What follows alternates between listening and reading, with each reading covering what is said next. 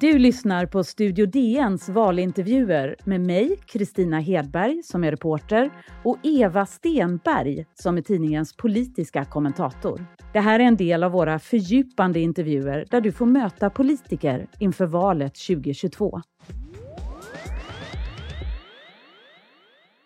Jag funderar på om vi ska stänga till den dörren ifall en hund kommer in och börjar... Stänga till där också? Ja, hon kan börja krafsa. Nej, nej. Mamma har godis där nere. Ja, det kan ju nästan vara lite hemcharm. Fler hundrastparker. Det är hennes enda fråga om det. Och att hundar ska, ska få springa lösa året runt i skogen. Nike Örbrink är 24 år och uppväxt i en funkisvilla i Bromma i Stockholm. Hennes hem är fyllt av konst och musik och litteratur och hon beskriver sig själv som en otroligt familjekär person. Det senaste året har hon jobbat som pressassistent i riksdagen, ofta bakom partiledaren Ebba Busch. Och förra året valdes hon till ordförande i Kristdemokratiska ungdomsförbundet, KDU. Hon har kallats en mini-Ebba, men vill själv helst förknippas med en rak höger. KDU är ett ungdomsförbund som kämpar hårt för att dra mode partiet längre i konservativ riktning. Ja, Nika Örbrink, kändes det där eh, rätt eller vill du säga emot någonstans? Nej, men det kändes väl eh, ganska träffsäkert. Vi i ungdomsförbundet är, eh, försöker driva på vårt parti i migrationsfrågan, i sjukvårdspolitiken, i, eh, i trygghetsfrågorna. Eh, mer högerut helt enkelt. Vad är det som står på spel nu det kommande valet? Övergripande handlar om att man ska kunna lita på Sverige igen. Och då handlar det om framförallt två frågor enligt mig. Det är trygghetsfrågorna och, så, och bekämpa den grova brottsligheten och så är det sjukvården. Är det något av det där som du känner dig på riktigt uppfylld och passionerad kring? Alltså finns det en politisk fråga som du skulle gå i döden för? När jag engagerade mig politiskt 2015 var KDU närmast ensam om att prata om skärpta straff eh, för, för grova brott och den växande otryggheten. Det var inte långt senare efter det som eh, liksom förslag om 10 000 fler poliser kallades för sifferbingo, om jag minns rätt. Eh, idag, eh, flera år senare, så har eh, liksom, regeringen och, och eh, socialdemokrat, med Socialdemokraterna i spetsen låter närmast liksom, ja, men yrvakna kring att eh, vi har en grov brottslighet i Sverige. Ehm, och nu pratar man om eh, vissa straffskärpningar medan det här är någonting jag menar borde ha kommit på plats för flera år sedan. Men också, alltså om man bortser från det faktumet att varje gång ett brott begås skapas en moralisk obalans som ska rättas till. Det är en anhörig som förlorar en, en son eller en bror eller eh, oskyldiga idag som, och civila som faller offer. Så jag är genuint rädd för vad är det som sker i ett samhälle när toleransen höjs? Alltså när man börjar bli så rädd för att reagera när man ser att någon far illa för man är rädd för hur, själv, hur det kommer påverka en själv. Då ökas också acceptansen och toleransen för vad som, vilka värderingar som är okej. Och när kriminalitet eh, breder ut sig allt för mycket då vittras också goda värderingar sönder. Och det är jag genuint rädd för på lång sikt för det tar så lång tid för ett samhälle att bygga upp bra värderingar och det kan gå så fruktansvärt snabbt att rasera dem. Du säger ofta det här med otrygghet och rädsla. Kan du berätta liksom hur den känns för dig? Min, I vilka lägen? Min närmsta relation till det var ju att växa upp som, som ung tjej, eh, gå hem med, med nycklarna mellan knogarna, behöva vända sig om eh, med jämna mellanrum för att se om någon gick bakom en. Eh, söka kontakt med, liksom, man såg att det kom en äldre eh, tant eller farbror kom gående, försöka söka ögonkontakt med den och se, liksom, undvika buskage eh, och liksom söka, finns det någon, om det skulle hända mig någonting. Eh, dels skulle någon annan våga reagera och dels skulle skulle jag bli tagen på allvar om jag ringer? Skulle en anmälning läggas på hög eller skulle den behandlas? Eh, och att inte att känna liksom bristande tilltro till dels sina medmänniskor, människor man möter, men också till staten eh, och rättssamhället. Det är liksom genuin otrygghet. Tror du att det är skillnad för dig och för din mamma? Jag tror, att, ja, jag tror att det fanns ett samhälle där man inte låste dörren om sig. Både symboliskt och liksom, eh, bokstavligen. Ett samhälle där man kanske lämnade dörren öppen ifall grannen behövde komma in och låna socker eller en fotboll eller liknande. Eh, och jag tror att det samhället har funnits men jag upplever att det samhället har gått förlorat. Idag låser man dörren om sig. Eh, och man, jag tycker man ser det rent konkret på eh, hur liksom, i olika, på olika platser i Sverige hur tjejgrupper går ihop och ordnar gemensamma liksom, nattvandringar eller liknande. Eller hur liksom, vissa områden där föräldrar går ut och nattvandrar. Jag tror att det fanns ett samhälle där det inte var så. När försvann det samhället?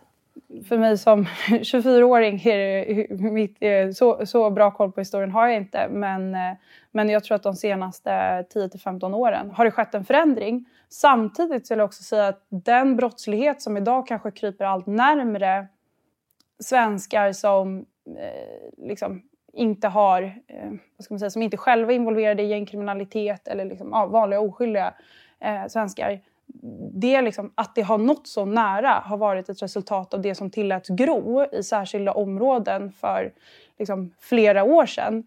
Um, och jag kan bara beklaga det faktumet. Alltså jag tror att det var så lätt för politiker att eh, tänka att det som man märkte eller hörde skedde i utsatta områden, men det är så långt bort, de är så isolerade. Och så är det först när det kryper en själv in på skinnet som man reagerade. Och det menar jag är, ja, var, var ett fundamentalt misstag man gjorde. Så det vi ser idag är nog ett resultat av någonting som skedde, någonting som tilläts eh, gro för liksom, 20 år sedan. Och din lösning heter fler poliser, skärpta straff. Finns det något mer? Det är liksom plåstren på de blödande såren men också för att eh, skärpta straffet brottsoffret ska få upprättelse. Eh, men på lång sikt då måste man också agera förebyggande. Det måste finnas liksom ett starkt civilsamhälle, en bra skola, eh, det måste finnas arbets, liksom ett, ett jobb att gå till. Ehm, för jag tror genuint att människa har ett behov av att känna ett sammanhang. Och det kan hon få i familjen, hon kan få det av sina klasskamrater, hon kan få det om hon spelar fotboll eller på en arbetsplats. Och i värsta fall så erbjuder gängen eh, är de första att erbjuda tillhörighet, en känsla av betydelse eller att man tillhör någonting.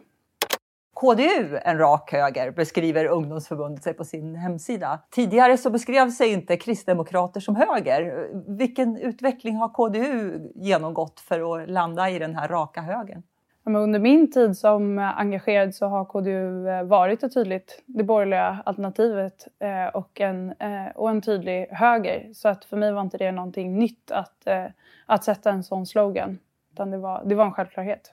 Ni kommer att ha ett riksting snart i partiet och även i ungdomsförbundet. Och på partiets riksting kommer ni att slåss för en eh, mycket hårdare migrationspolitik som innebär en kvotering. Hur viktig är den här stramare migrationspolitiken för KDU? Men den är viktig och det handlar egentligen inte bara om att eh, en stramare migrationspolitik utan vi går ju fram med ett förslag om asylkvoter, att vi ska övergå till ett asylkvotsystem. Och eh, det bottnar sig i grund och botten i en insikt om hur människor migrerar idag. När asylrätten så som vi känner den kom till sökte människor asyl i ett grannland eller några länder bort. Idag söker människor asyl i andra kontinenter eller de allra flesta befinner sig fortfarande i närområdet.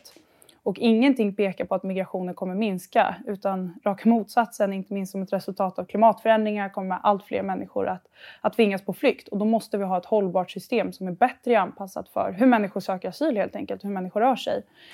Um, så att det förslaget om asylkvotsystemet handlar dels om att vi ska få liksom en hållbarhet, en större förutsägbarhet i hur många som kommer till Sverige, men också om att det enda sättet att söka asyl i Sverige ska inte behöva vara att sätta livet till på Medelhavet. Det där förslaget strider väl sannolikt mot asylrätten som det ser ut idag. Tycker inte du det behövs någon asylrätt som är global? Ja, men asylkvotsystemet finns ju idag genom UNHCR och vi vill ju utvidga den kvoten helt enkelt. Eller vill eh, snarare att, den, det huvud, att det ska bli det huvudsakliga sättet att söka asyl. Och jag tror att när verkligheten har förändrats Ehm, på så sätt att människovärdet inte längre upprätthålls i det befintliga systemet vi har, då måste vi också vara beredda att ompröva det systemet på ett sätt så att det bättre förhåller sig till hur verkligheten ser ut. Du sa att eh, i framtiden kommer sannolikt ännu fler människor att tvingas på flykt. Eh, och samtidigt så vill ju ni strama åt. Ni vill ju att de här kvoterna ska vara lägre än vad mottagandet har varit på sistone. Vilka är det som ska ta ansvar då för eh, de här fler och fler flyktingarna så att säga? Hur ska världen klara av att ta hand om dem? Ska det vara fattigare länder då som tar hand om flyktingar i fortsättningen. Tittar man bara på inom den Europeiska unionen så är det ju en stor skillnad mellan hur stora delar eller hur, eh, hur stora volymer olika länder har tagit och det kommer bli en enorm utmaning nu för det europeiska samarbetet om hur man, hur man hanterar den här frågan och där tror jag att man förr eller senare kommer börja behöva landa i just ett sånt här kvotflyktingsystem. Eh, så jag tror att man ska börja i den Europeiska unionen och sen så får vi titta på, på övriga delar av världen. Men, eh, men det är ett delat ansvar, det måste vara ett delat ansvar och jag tycker också att Sverige eh, Sverige måste komma till insikt att i första hand måste vi hjälpa de människorna som faktiskt redan har kommit till Sverige att komma in i det svenska samhället och har man inte längre asylskäl så ska man också lämna landet. Är inte själva innebörden av asylrätten att den slår till när inga andra system funkar? Att den får man alltid hävda när man eh, fruktar för sitt liv? Jo, men eh, ser vi också, alltså rätten att söka asyl kommer ju fortfarande, kommer fortfarande att existera. Skillnaden är att du måste kunna ha möjligheten att söka asyl i närområdet och inte behöva offra livet på en livsfarlig resa till en annan kontinent. Eh, så att söka asyl kommer fortfarande vara en möjlighet. Skillnaden är bara var och på vilket sätt. Och får man då asyl beviljat så får man på ett säkert sätt ta sig till Sverige och när man kommer till Sverige eh, så får man börja integrationsprocessen redan dag ett istället för att sätta livet till på, på en livsfarlig resa, eh, betala hutlösa pengar till illegala flyktingsmugglare, komma hit, leva i ovisshet i månader om huruvida man kommer stanna eh, och sen kastas mellan byråkrati. Jag tror inte att det är ett bra sätt att, eh, att stå upp för människovärdet. Vi talar med Nike Örbrick som leder Kristdemokraternas ungdomsförbund och ska snart fortsätta tala med dig.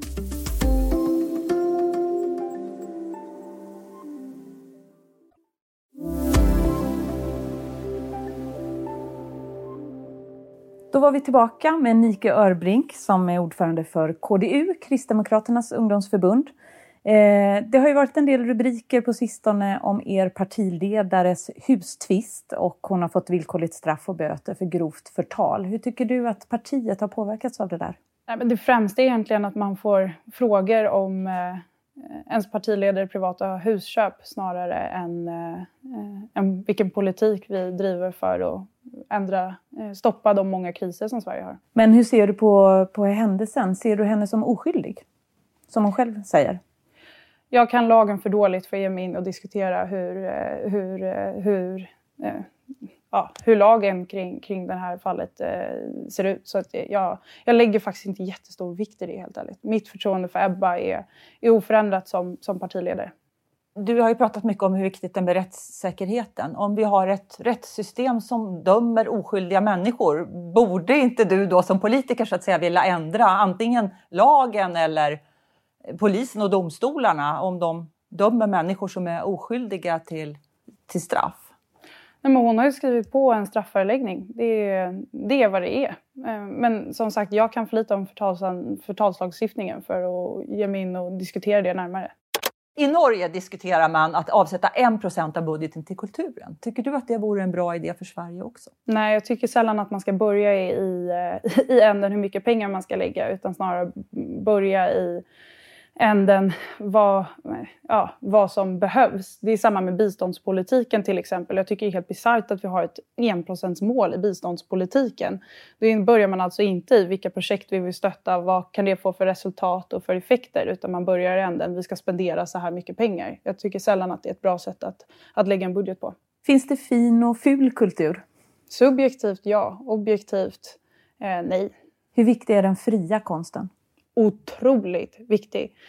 Så här, jag fick en fråga för, för något år sedan om, om det var ett problem att, att uh, mycket kultur, som, samtida kultur som skapas i vänster. Och det är ju verkligen inte. Men problemet är när, politiken, eh, uh, anv- när politiker använder politiken för att främja en viss kultur. Det är, uh, det är på riktigt allvarligt. Och den utredning som kom nu som konstaterade att kulturen i Sverige är otroligt politiskt styrd tycker jag är det är ett brutalt underbetyg, underbetyg. Och fruktansvärt allvarligt för den delen.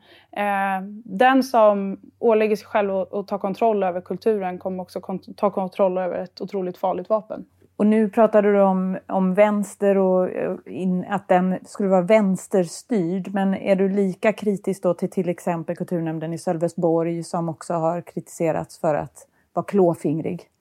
Men självklart, alltså varje gång politiker Eh, avser styra kulturen på ett sätt som man ideologiskt menar främjar vissa värden tycker jag är problematiskt. Och det, det är en kritik som jag helt ärligt riktar likväl till eh, Sverigedemokraterna som till Miljöpartiet. Eh, så jag menar att i den frågan är det väldigt mycket samma skrot och kron även om man har olika ideologier och vill främja olika saker. Varför får inte politikerna lägga sig i vad deras pengar används till då, på konstens och kulturens område? Men det är klart man gör en budget för hur mycket pengar har vi att lägga på olika eh, kultursatsningar och liknande. Men alltså, kulturen för mig har inte ett instrumentellt värde. Värdet av kulturen är inte att den ska fylla något typ av instrumentellt syfte eller ideologiskt syfte utan kulturens kärna ligger i att den stimulerar en människas andliga och själsliga sida. Det får en människa att, att växa, det kan eh, Eh, det gör ett samhälle rikt i sin rena existens. Jag tror att ett samhälle utan kultur är, otroligt, är ett otroligt fattigt samhälle. Och, eh, och, då är det, och då är det konsten och det fria skapandet som ska stå i centrum, inte vilka typer av effekter det kan få för ett samhälle eh, på sikt eller eh, värderingsmässigt eller ideologiskt. Så då kan kulturen få vara provokativ eller samhällsomstörtande, nästan farlig? Själv, ja, självklart, om det är det kulturutövare vill skapa. Och tycker man att det är ett problem, då får man väl börja skapa kultur som är samhällsstörtande åt andra hållet. Då. Men det viktigaste är ju bara att det inte är en politiker som står bakom där och, och, och, och drar med penseldragen. Ibland har ju också bland de bästa kulturen varit just provokativ eller nytänkande eller liknande. Vi skulle vilja be dig att svara ärligt och snabbt nu på några korta frågor. Så svårt. Ja. Då ljög jag. När jag spelade kort senast. Då tummade jag på mina principer. Också när jag spelade kort. Men det kan vara för att jag eh, går emot alla mina värderingar. Men jag, är, jag har en fallenhet för att fuska i kortspel. Då blev jag impad av en politisk rival. Nooshi Dadgostar under regeringskrisen, när hon störtade, störtade regeringen säger man väl inte, men när regeringen föll. Det var badass. Då hycklade jag. Det är så svårt. um, nej men när man säger, överlag när man säger en sak och, och gör någon annan. Till exempel när man pratar, när man eh, ställer sig bakom, eh, ja, när man ställer sig bakom höjda P, eh, P-botsavgifter. Så felparkerar man själv. Den har hänt. Då levde jag inte som jag lärde. Ja, precis. Eller var det en Samma, fråga? Eller ja. det kostat? Jaha. Samma kanske? Ja, samma. Då blev jag skadeglad.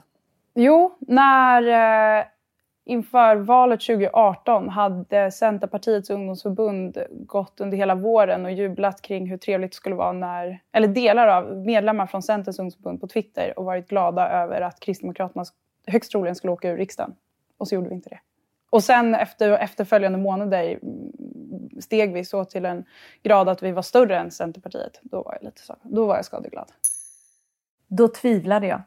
Ja, jag tvivlade på om vi skulle klara valet 2018.